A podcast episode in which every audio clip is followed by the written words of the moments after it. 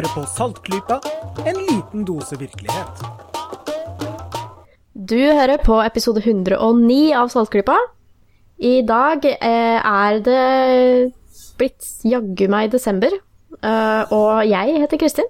Og med meg på denne episoden har jeg Lisha, Hallo, hallo. og jeg har med meg Bendik. Det har snødd ute i dag. Det har det, har jeg hørt. Og Jørgen er med. Veldig hyggelig å prate med dere igjen. Så fint. Eh, Vi skal snakke litt om, eh, ja, blant annet eh, masse naturrelaterte ting i dag, men jeg tenkte først at vi skal ta en liten oppklaring fra forrige gang. Når vi snakket om i førsten av forrige episode om denne her lurerisaken på Facebook om å avlyse Lucia-tog og jul og hele pakka, så kom vi til å komme inn på et lite sidesprang om flagg i 17. mai-toget. Eh, og da kommer vi til å bruke begrepet ulovlig på en litt upresis måte. Eh, vi kan jo bare si det sånn at det er på det rene. At uh, vi snakker da ikke om hva som er lov og ikke lov å bruke for privatpersoner. Privatpersoner i 17. mai-tog må selvfølgelig gå med akkurat hvilket flagg de vil, og det har vel ikke vært noen Ifølge store loven. styr. Ifølge loven. Så da vet vi det. Har, det det er ganske vanlig å bomme på det ordet der. Jeg har en sånn liten anekdote fra borettslaget her. Vi har vår egen lukkede Facebook-gruppe. Nå håper jeg ikke at vedkommende lytter, for da blir han sikkert mer irritert. Men det er altså en eh, fyr her som til stadighet påstår at eh, styret i borettslaget gjør ulovlige ting. Og det er ikke måte på hvor mye ulovlig de driver med. Opp og ned, og det er særlig eh, fyringen, da. Vi har sånn felles fyring, og det er ulovlig fyring i tide og utide. Uh, og det er jo selvfølgelig ikke ulovlig. Det han mener å si egentlig er at det er ikke etter vedtektene eller årsmøtevedtak. Der tar han også feil, for så vidt, men uh, uh, det har blitt lange, lange diskusjoner hvor jeg til stadighet må inn og si at nei, det er ikke ulovlig. Hvis du mener det er ulovlig, får du anmelde. Det er eh, alltid noen, er det ikke det? Jo. Ja. Det han prøver å si, er i strid med regelverket. Men det Nemlig. høres jo Det er litt uh, tyngre å si, da. Mm. Ja. Nei, eh, en annen, eh, en annen ting som kan eh, misbrukes og misforstås i det vide og det brede, det er jo selvfølgelig da ordet ytringsfrihet. ja. Og ja, fordi nå skal vi besøke Max Hermansen og si hva han har gjort i det siste. Ja, eh, Max Hermansen i seg selv er jo ikke en spesielt interessant person, annet enn at han bråker litt i offentligheten. For dem som ikke må ha fulgt med i timen, så er han altså initiativtaker til Pegida Norge, de som demonstrerer mot eh, eh, islamsk innvandring. Eh, ja, nei, han har eh, blitt veldig sint fordi han har blitt utestengt, utestengt fra Facebook i 30 dager pga. en eh, ikke helt pen melding han hadde. Og dermed så har han anmeldt Facebook med referanse Yes. til eh, Grunnlovens paragraf 100 om ytringsfrihet. Eh, Ja. ja, Her har han eh, misforstått eh, noe grunnleggende, ja, for altså paragraf 100 er jo uh, klar, den. Ytringsfrihet skal finne sted, står det. Ja, det er klart, det. Eh, ja. Jeg tror ikke helt han har skjønt hva Grunnloven er. Grunnloven er liksom loven som styrer hva eh, landets styre skal gjøre. Så den sier at eh, landets eh, regjering og, og sånn kan ikke nekte folk å uttale seg. Og Facebook er ikke landets regjering eller noen annen statsinstans, så det. Nei, det er et amerikansk selskap. Ja, så han har fullstendig bomma. Men eh, ja, litt morsomt, da. Ja, ja. Eh, morsomt. Ja, det er jo Det er sånn man ser på de, disse her berømte kommentarfeltene overalt. At eh, med en gang eh, noen ikke Altså, noen kommer med uttalelser som folk generelt ikke liker, så klager de på da at eh, de blir kneblet, og at ytringsfriheten ikke gjelder, osv., osv. Det er en veldig fin um, XKCD-tegneseriestripe på nett som handler om uh, free speech, som det heter. Og uh, det, det, er, det er veldig på kornet. Uh, altså, free speech betyr ikke at du Altså, noen trenger å høre på hva du sier.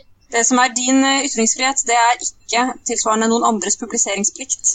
Nettopp. Eh, og det som er veldig viktig i den sammenhengen her eh, Nå vet ikke jeg hvor stor hensyn Facebook tar til norsk lov, jeg er ikke på Facebook, men jeg har vel for meg at de ikke er så veldig opptatt av den. Eh, men i hvert fall når det gjelder aviser og sånt nå, så er det litt viktig å huske på at hvis, de, hvis det er publisert på nettsiden f.eks. dagbladet.no, så er de faktisk juridisk ansvarlig for det som står der.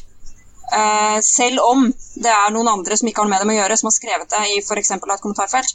Eh, slik at hvis det står ting som bryter loven, som faktisk er ulovlig, da, eh, som dødstrusler eller unnskyld, drapstrusler eller slike ting, så er faktisk Dagbladet en part i den saken som kan få juridiske problemer. Så Derfor så er det ikke bare bare for dem heller å la hva som helst stå fordi de vil fremme ytringsfriheten. Men de må også tenke på hvilket juridisk ansvar som de kan få ved å ikke enten eh, nekte å ta ting inn, eller ved å slette ting som eh, blir lagt opp. Ja, og det er jo Facebook har en del ganske strenge regler, og jeg er nok enig med Facebook at uh, Max Hermansen har uh, forbrutt seg mot uh, noen av dem. Så det, den saken er egentlig helt eh, enkel og grei. Men når det er sagt, så er det slett ikke av de verste meldingene jeg har sett på Facebook. Å nei. Å nei. Ehm, Absolutt ikke. Så jeg mistenker jo at uh, det er noen som følger litt med på han, og hver gang de ser han tråkker en, millimeter over streken, så setter de i gang uh, alle venner til å gi beskjed om at de skal melde den for uh, overtramp. Og det er jo en taktikk som flere skeptikere har blitt utsatt for, fra særlig alternativbransjen. At det er en haug med folk som går inn og, og melder fra om eh, diverse brudd, og så blir man automatisk utestengt etter et visst antall eh, ganger noen eh, melder at dette er noe gærent. Og, og dermed blir man da Det er en effektiv form for sensur innenfor det mediet, da. Ja, for Facebook påstår jo at de helt manuelt går gjennom alle klager de får, og det, Det de, kan jo de ikke være mulig. De har mm. altså en automatisk funksjon som sier at ok, nå har det kommet et visst antall klager, la oss si det er ti eller noe sånt nå. Ja. Så bare automatisk stenger de det. Og inntil de har fått vurdert situasjonen. Uh, og det blir brukt eh, ganske aktivt av en del grupper, da. Ja, og det kan jo også, Jørgen, det kan jo også skje andre ting som når du sier det der med at de stenger ned automatisk etter hvis man klager. Men husk den saken med denne gutten fra ja, et eller annet sted i landet da, eh, som har en eller annen sykdom som gjør at ansiktet hans ser veldig merkelig ut. Veldig stort ansikt, stort hakeparti. Eh, han ble jo, fikk dette bildet fjernet. virket som det var automatisk, og han brukte jo flere måneder på å få det eh, igjen. Og det kan jo virke som det var rett og slett eh, Folk hadde klagd på at det var en maske eller noe, men det var faktisk sånn han så ut. Eh, Så det kan jo få uheldige utslag at det er en sånn automatikk, da. At eh, enten man kan eh, stanse noen som sier helt legitime ting ved å bare klage. Uh, og det virker det jo som faktisk skjer en del, da. For vi hører jo ikke så sjelden om at ting som egentlig ikke er mot retningslinjene, allikevel blir fjernet eller uh, sperret eller hva det er. Og det kan være fordi, som du sier, det har bare blitt et visst antall klager, og da forsvinner det automatisk. Ja. Men her har, eh, i dette tilfellet, da, så har eh, Facebook gått gjennom eh, saken grundig. Du blir ikke utestengt for 30 dager uten at noen har vurdert det manuelt. Nei, det er klart. Det er jo veldig altså, Det er jo en del skeptikere som er veldig aktive i diverse debattfora på Facebook, som eh, er nesten blitt litt vant til å ha blitt eh, utestengt i et par dager. Ja. Eh, Så eh, jeg så noen som sa Pø, du må tåle å bli utestengt litt. Det har jeg blitt mange ganger.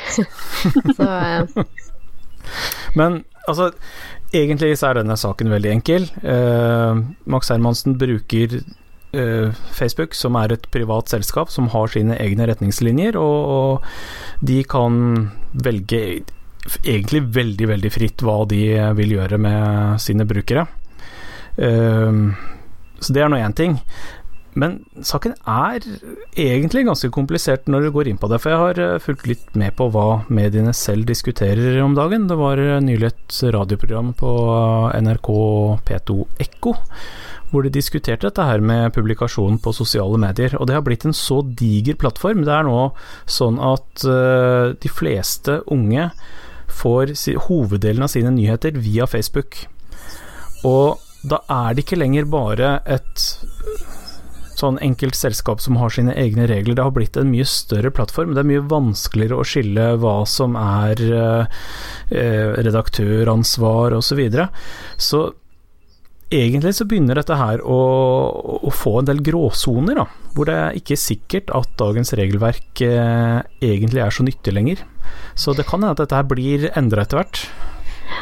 Jeg, jeg, jeg, er veldig spent på hvor, hva som kommer til å skje i fremtiden. Med så, sånne plattformer dette her, som er så altoppslukende og styrende på folks liv, og i tillegg da er så globale, som går på tvers av landegrenser og lover og regler i de forskjellige landene, og ja, personvern, alt mulig. Vi har jo hatt saker hvor uh, man ser en utvikling i det der. For, for noen år siden, husker jeg ikke hvor mange år siden, men det var ikke så lenge siden, så var det en mann som ble frikjent for uh, ja, om det var trusler eller hva det var, som han hadde publisert på bloggen sin. Jeg tror han var en sånn uh, antifeminist som hadde kommet med ja, noen form for trusler. Og han ble frikjent fordi han ikke hadde fremsatt truslene på offentlig sted. Uh, mm -hmm. Mens da aktoratet mente at internett er et offentlig sted, da. Men lovverket, slik retten tolka det, var ikke enig. Men nå, uh, om det var tidligere i år, eller om det Nei, det kan ha vært så lenge siden som i fjor. Jeg tror det var tidligere år, så var det en som ble dømt eh, for om det var ærekrenkelse eller trusler, eller i hvert fall noe som han, påstander han hadde fremsatt på nett. Fordi det da ble tolket som at han hadde kommet med det på offentlig sted. Ja. ja. Og i, no i Norge så har vi jo ja, I Norge så har vi jo den delen at, den, den regelen at hvis det hvis du kommer med en uttalelse på en plattform hvor det er eh, mer enn et visst antall tilhengere, så regnes den som en offentlig uttalelse, og da kan du ikke klage på at eh, det blir tatt screenshot og publisert i aviser og Ja, at du blir sitert på det, da. Mm. Jeg tror presedensen er på ti personer eller noe sånt nå, i den størrelsesorden. Så det ja, 10 til 20, ja. ja. Mm. Det kan være en liten lukket gruppe og likevel bli ansett som en offentlig uttalelse. Faktisk. Vel, nok om det. Nok om Max Hermansen. Han får uh, kose seg i sine 30 dager. Um, vi skal over til uh, dyrenes og naturens verden. Hva i all verden er det uh, Hva er det verden er redd for nå som kommer ut fra Kina, lurer jeg på? Det er vel mye forskjellig. som vanlig fra Kina. Spesifikt Men, noe rart du fant frem, Lisha? Ja, det er et firma som i seg selv er eh, Når man ser hvem som står bak, da, eh, så er det litt eh, litt kontroversielt allerede der. De, de, bygger en fabrikk hvor de skal klone dyr eh, for mat. Altså eh, særlig storfe, da.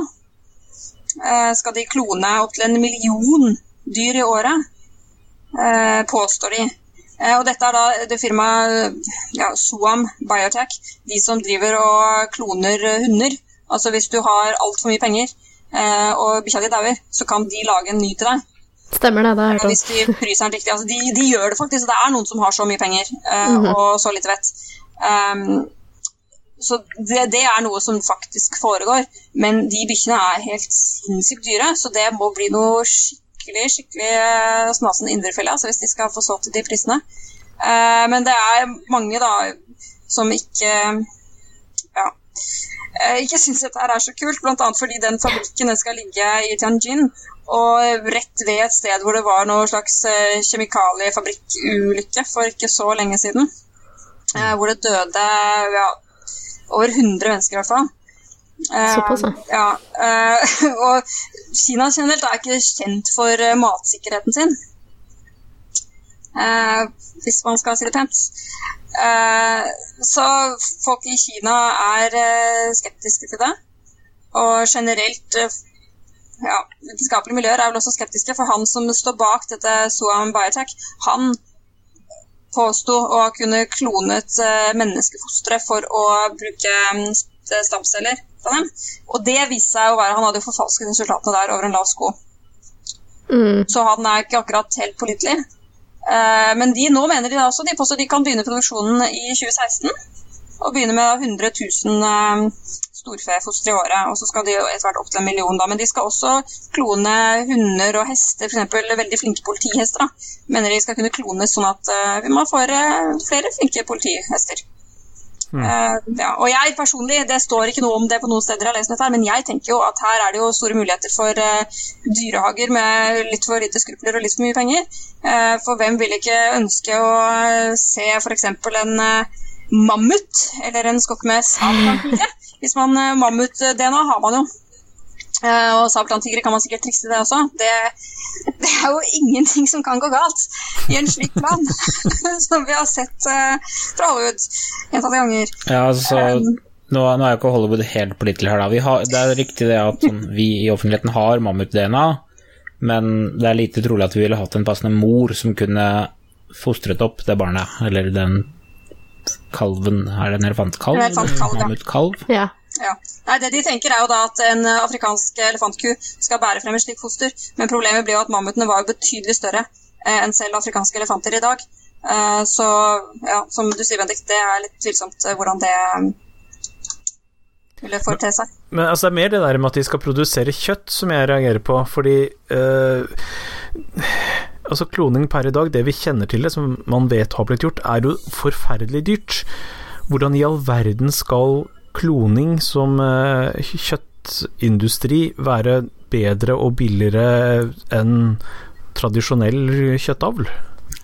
Det vil kanskje være noe slik som at de avler fram liksom den, den arten med okse som krever minst mat, får mest muskelmasse, er tammest inne på slakteriet. At de går på sånne faktorer som det, da. Men som du sier, i ren økonomisk eh, eh, sammenheng så er det nok langt dyrere enn å bare pare dyr på vanlig måte.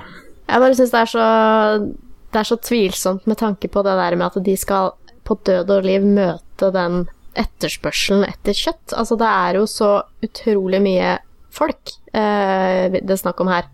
Og de vil bare spise mer med kjøtt. Det vil jo være en helt syk eh, klimaregning på dette her òg, tenker jeg da. Mm -hmm. Ja, og ikke minst en helseregning. For uh, kineserne, før de fikk uh, fast food uh, Når jeg var i Kina, det var godt over ti år siden, så var det jo Kentucky Fried Chicken overalt. Jeg tror ikke det har blitt noe mm. mindre av det. Og når kineserne spiste sitt tradisjonelle kosthold, og i de områdene hvor de fortsatt spiser det, så er de mye mye sunnere og mer, mer normalvektige enn særlig de store byene hvor folk spiser vestlig mat. Da. Så det er jo ikke akkurat godt for helsa heller.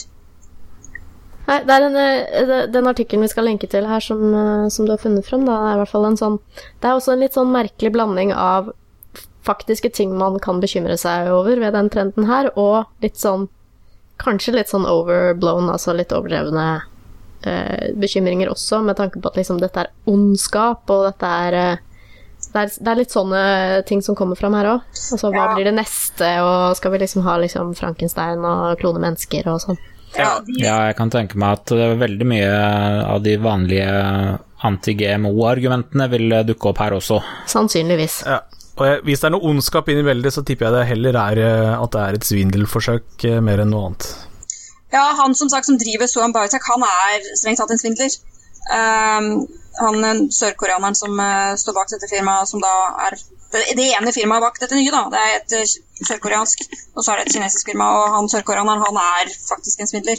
Uh, men det som du sier, uh, at folk sier det ondt og sånn, og det er at de siterer i artikkelen fra nettkommentatorer uh, som bekymrer seg for dette, da. Mm. Og det kan jo sånn sett kanskje være litt interessant hvis man Eh, hvis dette er noe som kommer mye i mediene sånn i Kina, kan det få folk til å tenke seg litt om når det gjelder dette med eh, etterspørselen etter kjøtt? At hvis man må gjøre noe slikt som dette, gå så langt, er det kanskje da på tide å ikke legge opp kostholdet i den grad. Det kan man jo håpe. Jeg har ikke høye tanker om kinesernes etiske standarder når det gjelder eh, alt som har med dyr å gjøre, men håpet er lysegrønt. Det er det. Så eh, vi, eh, det kommer sikkert noen nyheter etter hvert om dette her, hvis det viser seg at det er eh, mindre troverdig enn en antatt. Ja, vi får ha et øye på det. Ja. Jeg venter vel ikke akkurat i spenning på å se dette i butikken, for å si det sånn.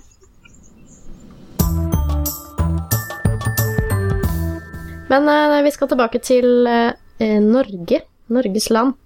Og eh, nå har staten da eh, kommet eh, nylig med et eh, klimaprosjekt, og det høres jo i utgangspunktet veldig, veldig ålreit ut, sånn på overflaten. Eh, men så viser det seg at eh, de som er litt mer eksperter på dette her, da har, har noe å si på dette her. Hva er det som har skjedd? Nei, det er dette med at de skal plante ut veldig mye granskog, da. Eh, plante en million dekar med granskog. Eh, fordi vi må ha mer trær, det skal binde karbon, eh, tenker de. Eh, men ja, Norges Skogeierforbund er jo blant de ekspertene det, som er svært positivt innstilt til dette her. Eh, mens derimot andre, f.eks. botanikere og andre biologer, de er ikke så for det. De mener at eh, det vil ikke fungere som klimatiltak, pluss at det kan ødelegge eh, f.eks. åpne landskap, er, åpne landskap nå da, skal bli plantet igjen med granskog, og han mener at det kan ha veldig negativ eh, påvirkning på artsmangfold og sånt noe. Eh, For veldig mange av de utrydningstruede artene vi har i Norge, de er jo avhengige av veldig spesifikke landskap. Det er jo blant annet eh, et par som har kommet med en kronikk i Klassekampen i etterkant av dette her, og som trekker fram eh, en effekt som da ifølge dem på våre breddegrader er mye viktigere enn binding av CO2 i eh, trær, nemlig denne her albedo-effekten. Altså, albedo er jo eh, graden av refleksjon av sollys. Eh, så for eksempel eh, eh, hvis det da er mye trær, så blir det mindre, mindre albedo. Og det kan da ha en samlet større negativ innvirkning enn bare det å plante disse trærne. Ja, det er jo ikke nødvendigvis eh, med trær å gjøre, men også hvilken type trær. For det som er greia med gran, er at Ja. de er veldig mørke. Mm, Hvis du planter en eh, tett eh, granskog, så vil du få en diger mørk flekk, rett og slett. Som andre trær, eh, ospetrær, da, vil ikke nødvendigvis gi den effekten. Bjørk. Men gran er liksom nesten det mørkeste du kan plante. Så det er eh, Ja, det skal koste to milliarder, da. Så det er ganske mye penger. Um, og da vil jo mange mene, bl.a. av en del forskere som har signert et opprop mot dette her, uh, de uh, mener at uh, i hvert fall frem til 2050 så vil dette tiltaket føre til høyere utslipp, eller en mindre, da. Eh, ja, og det er jo tiden frem til 2050 som er ganske viktig her, har jeg Ja. hørt i klimasammenheng. Det er ryktene sier det, og selv etter 2050 da, så mener disse forskerne at eh, det er slett ikke sikkert at uh, det vil være positivt klimatiltak. Og det er klart, skal vi bruke så mye penger, to milliarder kroner, det er tross alt ganske mye penger, da bør vi være sikre på at det faktisk er noe som virker. Det er det. Og uh, noen uh, har også nominert dem til Sløseriprisen. Hvis de vinner en Ignobel på det, så kommer jeg til å prate om det til neste år, altså. Det tviler jeg ikke på et sekund. Nei. Ja, Det jeg bekymrer meg for når jeg ser det forslaget, det er dette med kulturlandskap, som jeg er veldig opptatt av. Ja, som eh, Ja, det er også et veldig viktig poeng som blir tatt frem. At uh, det er veldig mye landskap som vi sliter med å ta vare, med, vare på. Det er mange arter som er eh, trua pga. at de gamle kulturlandskapene gror til, med bl.a. granskog. Og det er mange landskap som vil bli vanskeligere å forstå historien til når det kommer opp sånn massiv eh, granskog. Så det, det plager meg litt. Si det. Absolutt. Og det er jo rett og slett eh, sånn at eh, jo mer gjengrodd Norge blir, sånn rent kulturelt og økonomisk, så vil det jo komme, bli færre turister som er imponert over landskapet vårt, og kanskje ikke besøke oss så veldig ofte. Det er også et poeng. Ellers, så, jeg har ikke fagkunnskapen til å vurdere alternativer her, men jeg tenker at det funker vel kanskje bare å fortsette å la skogen gro til i de delene av landet hvor, hvor den gjør det for tida, og at det kanskje i seg selv funker like bra. Jeg vet ikke. Ja, pluss at eh, hvis den gjør det, Jørgen, som du sier der, at den får gro igjen seg selv, så blir det jo en større variasjon eh, av arter som er bedre for dyrelivet, pluss bedre for ja, f.eks. turistene. da. For jeg vet ikke om dere noen gang har prøvd å kjøre, kjøre opp Østerdalen og ned Gudbrandsdalen, eller omvendt. Hvis du vil bli dårlig humør, kjører du opp Gudbrandsdalen og ned Østerdalen. Men i godt humør kjører du motsatt. For Gudbrandsdalen er så vakker. Det er så utrolig vakkert i Gudbrandsdalen og i Østerdalen, og der er jeg har slekta mi, så det, der har jeg vært, for å si det sånn. Eh, det er ikke helt samme greia, altså. Og der er det granskog. Det er granskog på granskog, på granskog og det er, jo, det er jo ingenting. Det blir jo veldig lite undergrowth også, fordi det er så mørkt, ikke sant. Og det er bare disse endeløse identiske trærne. Uh, nei, enig. turistene vil ikke skal strømme til for å se på granskog. Det kan jeg si her og nå. Og det er så viktig å tenke ut klimatiltak for framtida, og så eh, skummelt eh, når disse klimatiltakene kan da vise seg å være skikkelig dårlig gjennomtenkt. For da kan vi plutselig ha brukt masse penger på eh, ja, noe vi kanskje heller skulle brukt på noe som vi kommer på i ettertid, da. Litt sånn etterpåklokke. Ja, jeg føler at det opplegget her, det er mer sånn eh, det, Nå gjør vi noe. Og det kommer ja, synlig også. For altså, En haug med granater, det ser du jo, men man har ikke helt uh, tenkt gjennom om det faktisk har effekt. Og her er det jo ikke bare det at det ikke vil ha positiv effekt, men det ser ut til å også sannsynligvis få en negativ effekt. I hvert fall de neste 35 år. Men det er én ting til som jeg har tenkt på når jeg leser gjennom det her. For det er noen få personer, riktignok fagpersoner, men det er noen få personer som er veldig negative. Og så i hvert fall på overflaten så virker det som forsvaret for denne, dette tiltaket de har, de har liksom eh, gode argumenter for det også, tilsynelatende i hvert fall. Så jeg lurer på om det også er litt sånn storm i vannglass og, og eh, litt sånn politikk og symbolikk inni bildet her som uh, at det ikke er så enkelt heller. Jeg vet ikke, jeg blir bare forvirra av den uh, artikkelen i Nettavisen. Jeg blir liksom ikke sikker på hvem jeg egentlig holder med her. Nei, det er et godt poeng. Det, er, eh, det, det, virker som en ting som man skal være en veldig dyktig eh, geofysiker slash botanist slash eh, klimaforsker for å sette seg skikkelig inn i. Ja, jeg ser nå den underskriftskampanjen mot dette tiltaket. Da. Den har nå passert eh, 1800 underskrifter. Og det er jo ikke veldig mye, egentlig. Uh, men jeg vet ikke hva det betyr heller. Det kan bare være at dette er et skuldertrekk fra folk flest. Det kan bety at man må kunne veldig mye for å skjønne situasjonen nok til å ta stilling til den. Eller at folk, Så. mange ikke har hørt om dette, rett og slett. Jeg hadde faktisk ikke hørt den spesifikke saken her før uh, denne uka.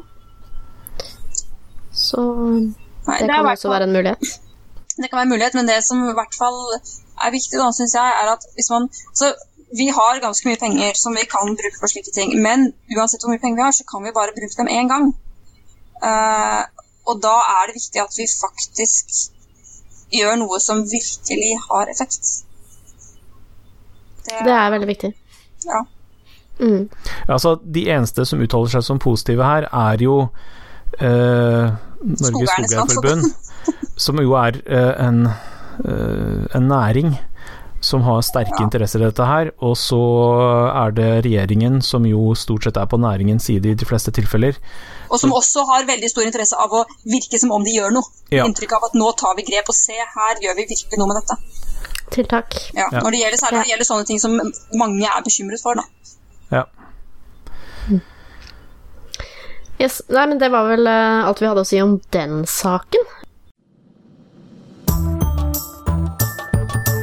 Før opptak her så kommer Lisha og sier at uh, det har kommet noe veldig interessant uh, forskning på delfiner.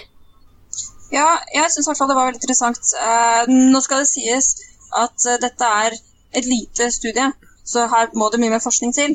Men jeg syns det var interessant fordi det viser verdien av si, langsiktig forskning. for dette her, det samme fem år tilbake, da BPs uh, eh, Deepwater Horizon uh, gikk i dørken uh, i, utegulfen utenfor USAs kyst og sølte ut hvor mye olje var det. Jeg tror jeg har fortrengt hvor mye det var. Det var vel 49 millioner tønner eller et eller annet helt avsindig mengde med olje. Kvalmt mye, med andre ord. Ja, vanvittig mye. Og det har man jo selvfølgelig gjort Jeg vil nok ikke si nok, men man har gjort ganske mye da, for å rydde opp i det. Uh, og en ting som man har brukt da, for å for forsøksvis uh, bedre dette, det er sånne uh, ja, Corexit heter det. det. Vet ikke om dere kjente det, men det er sånn dispergeringsmiddel. Sånn som ja, fjerner oljesøl ved å disperse it. Altså det bryter opp i bitte, bitte, bitte, bitte små partikler Og da kan det, hvis alt ligger til rette for det, så kan det brytes ned av bakterier. Eh, og det brukte man da eh, etter eh, Deepwater Horizon. Eh, og det er jo sånn, sånn som menneskehjernen fungerer, så er det en veldig veldig fin ting. For det som skjer da, er at oljen ser ut til å forsvinne. Man får ikke noe synlig oljesøl. Mm. Og da er det jo lett å tenke oi, men der løser det problemet, nå er oljen borte. Men den er jo ikke borte. Som jeg sa, det brytes bare opp i bitte, bitte, bitte, bitte, små partikler. Men det er jo fortsatt samme mengde olje i vannmassene. Eh, og nå har man, eh, etter dette her skjedde, da, så har man fulgt Man har fanget inn, året etter at det skjedde, fanget inn eh, en del tumlere. Altså en type delfin som lever da i Barataria-bukten i Louisiana.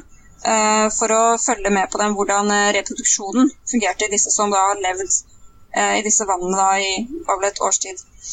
Eh, og matchet det med tilsvarende samme art i Sarasota-bukta i Florida.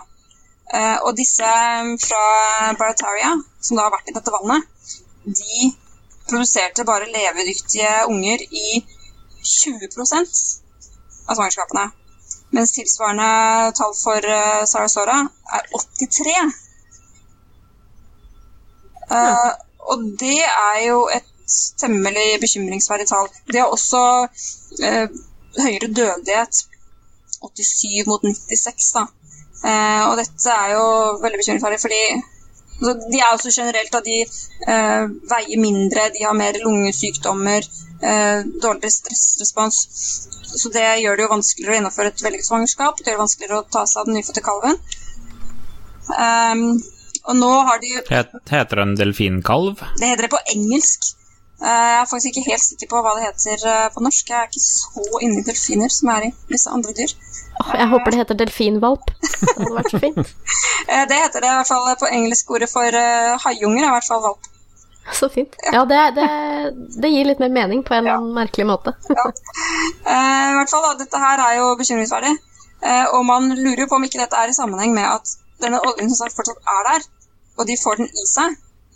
Eh, og jo høyere opp man er i næringskjeden, så vil man jo typisk få i seg mer da, av slike skadelige stoffer som er i vannet. For det er bitte små dyr som spiser det, så kommer noen større dyr og spiser, og noen større dyr og spiser, noen større dyr og spiser.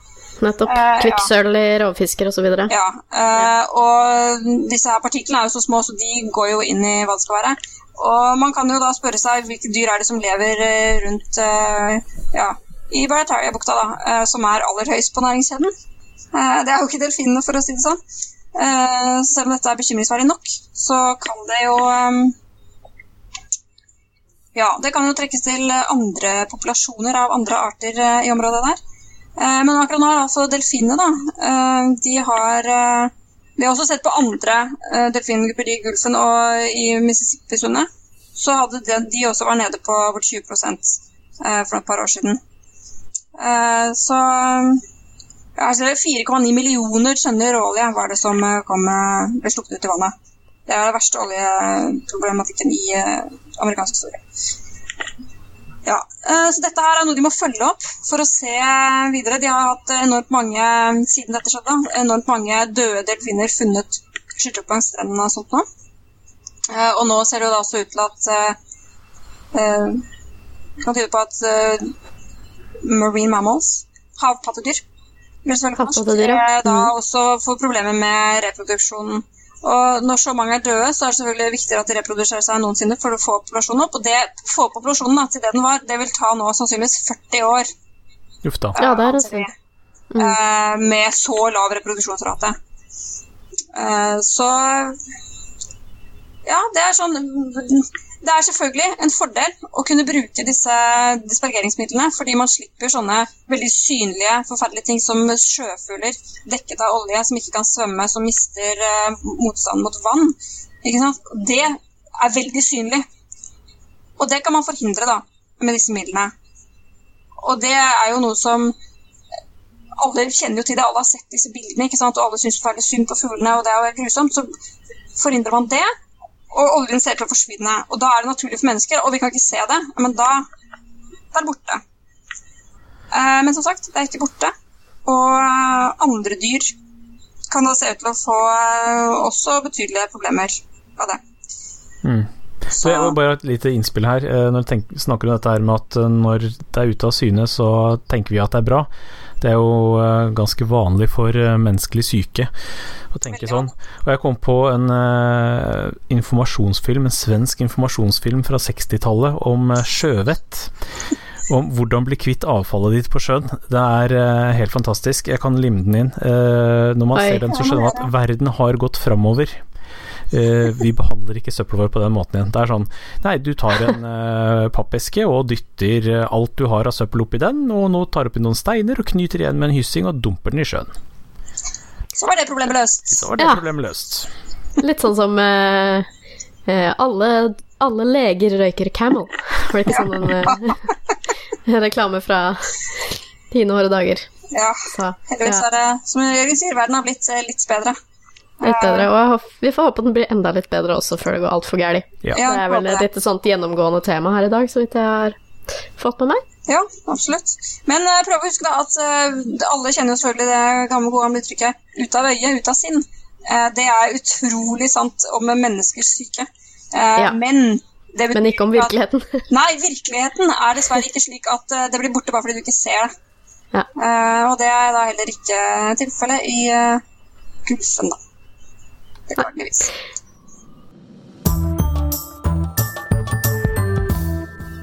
Eh, Da skal vi over til litt eh, anbefalinger som vi har eh, som vi har plukket frem. Eh, Først skal vi høre om en ny podkast. Ja, det er en ny europeisk skeptisk podkast, og den heter da passende nok The European Skeptics Podcast. Fiffig. Ja.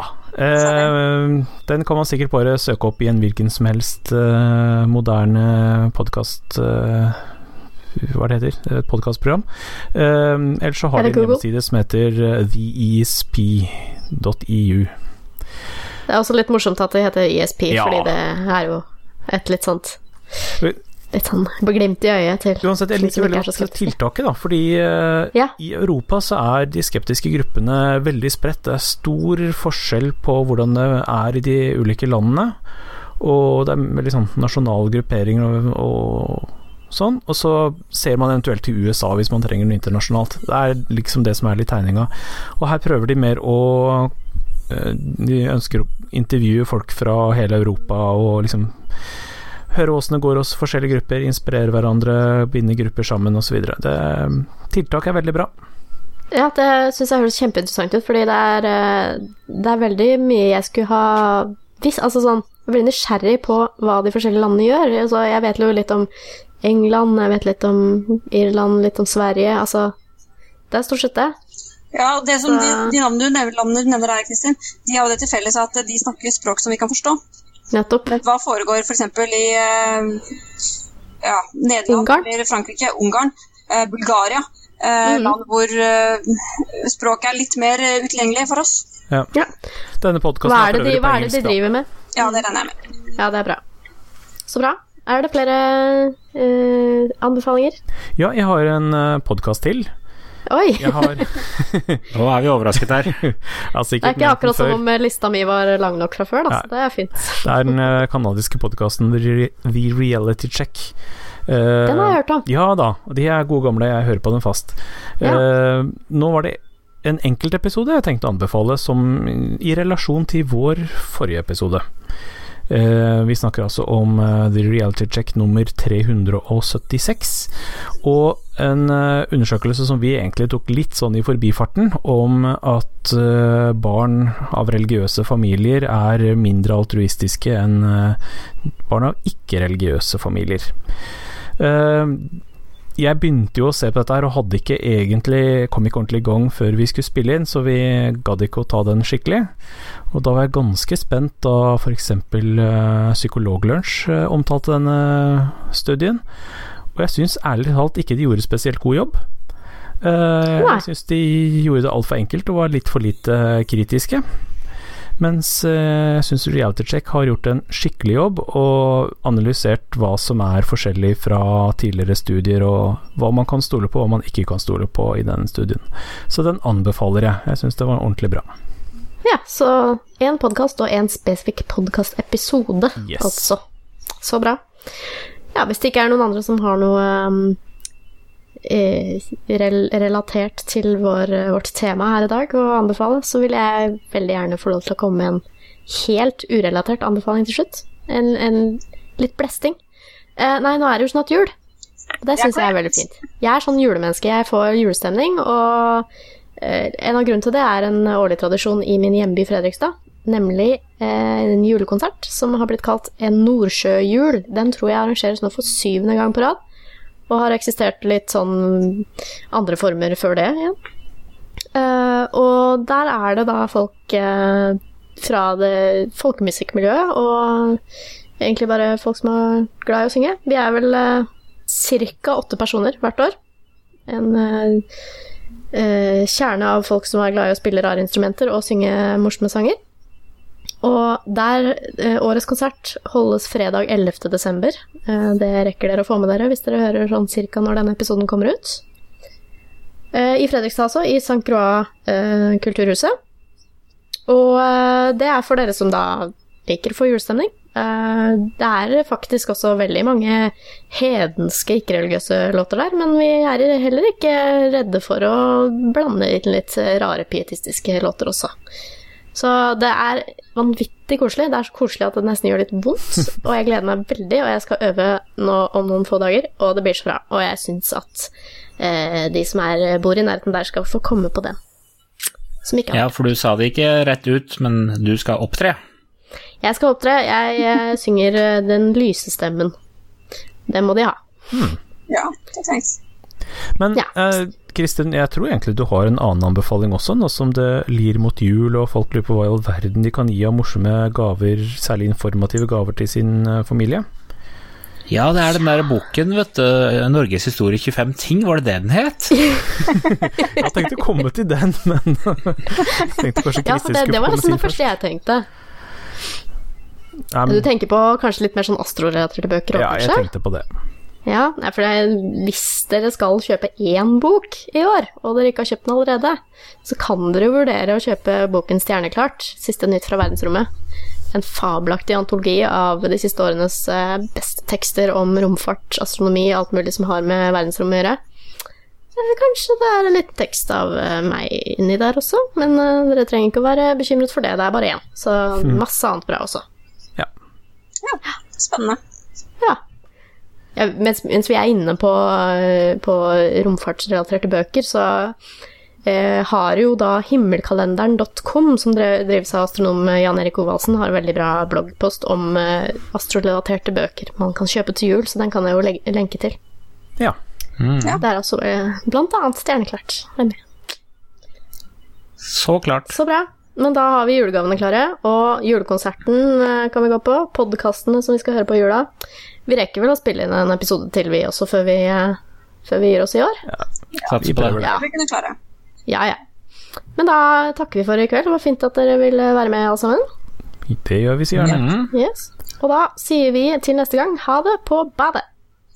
Det bra. Din gamle sjokolade. Saltklypa lages av Kristin Lisha, Jørgen og Bendik. Har du spørsmål, anbefalinger, ris eller ros, send det til post at saltklypa.no, eller finn oss på Facebook. Lenker til alt vi har snakket om i episoden finner du på saltklypa.no, hvor du også kan abonnere på podkasten for å få hver episode levert på døra helt gratis.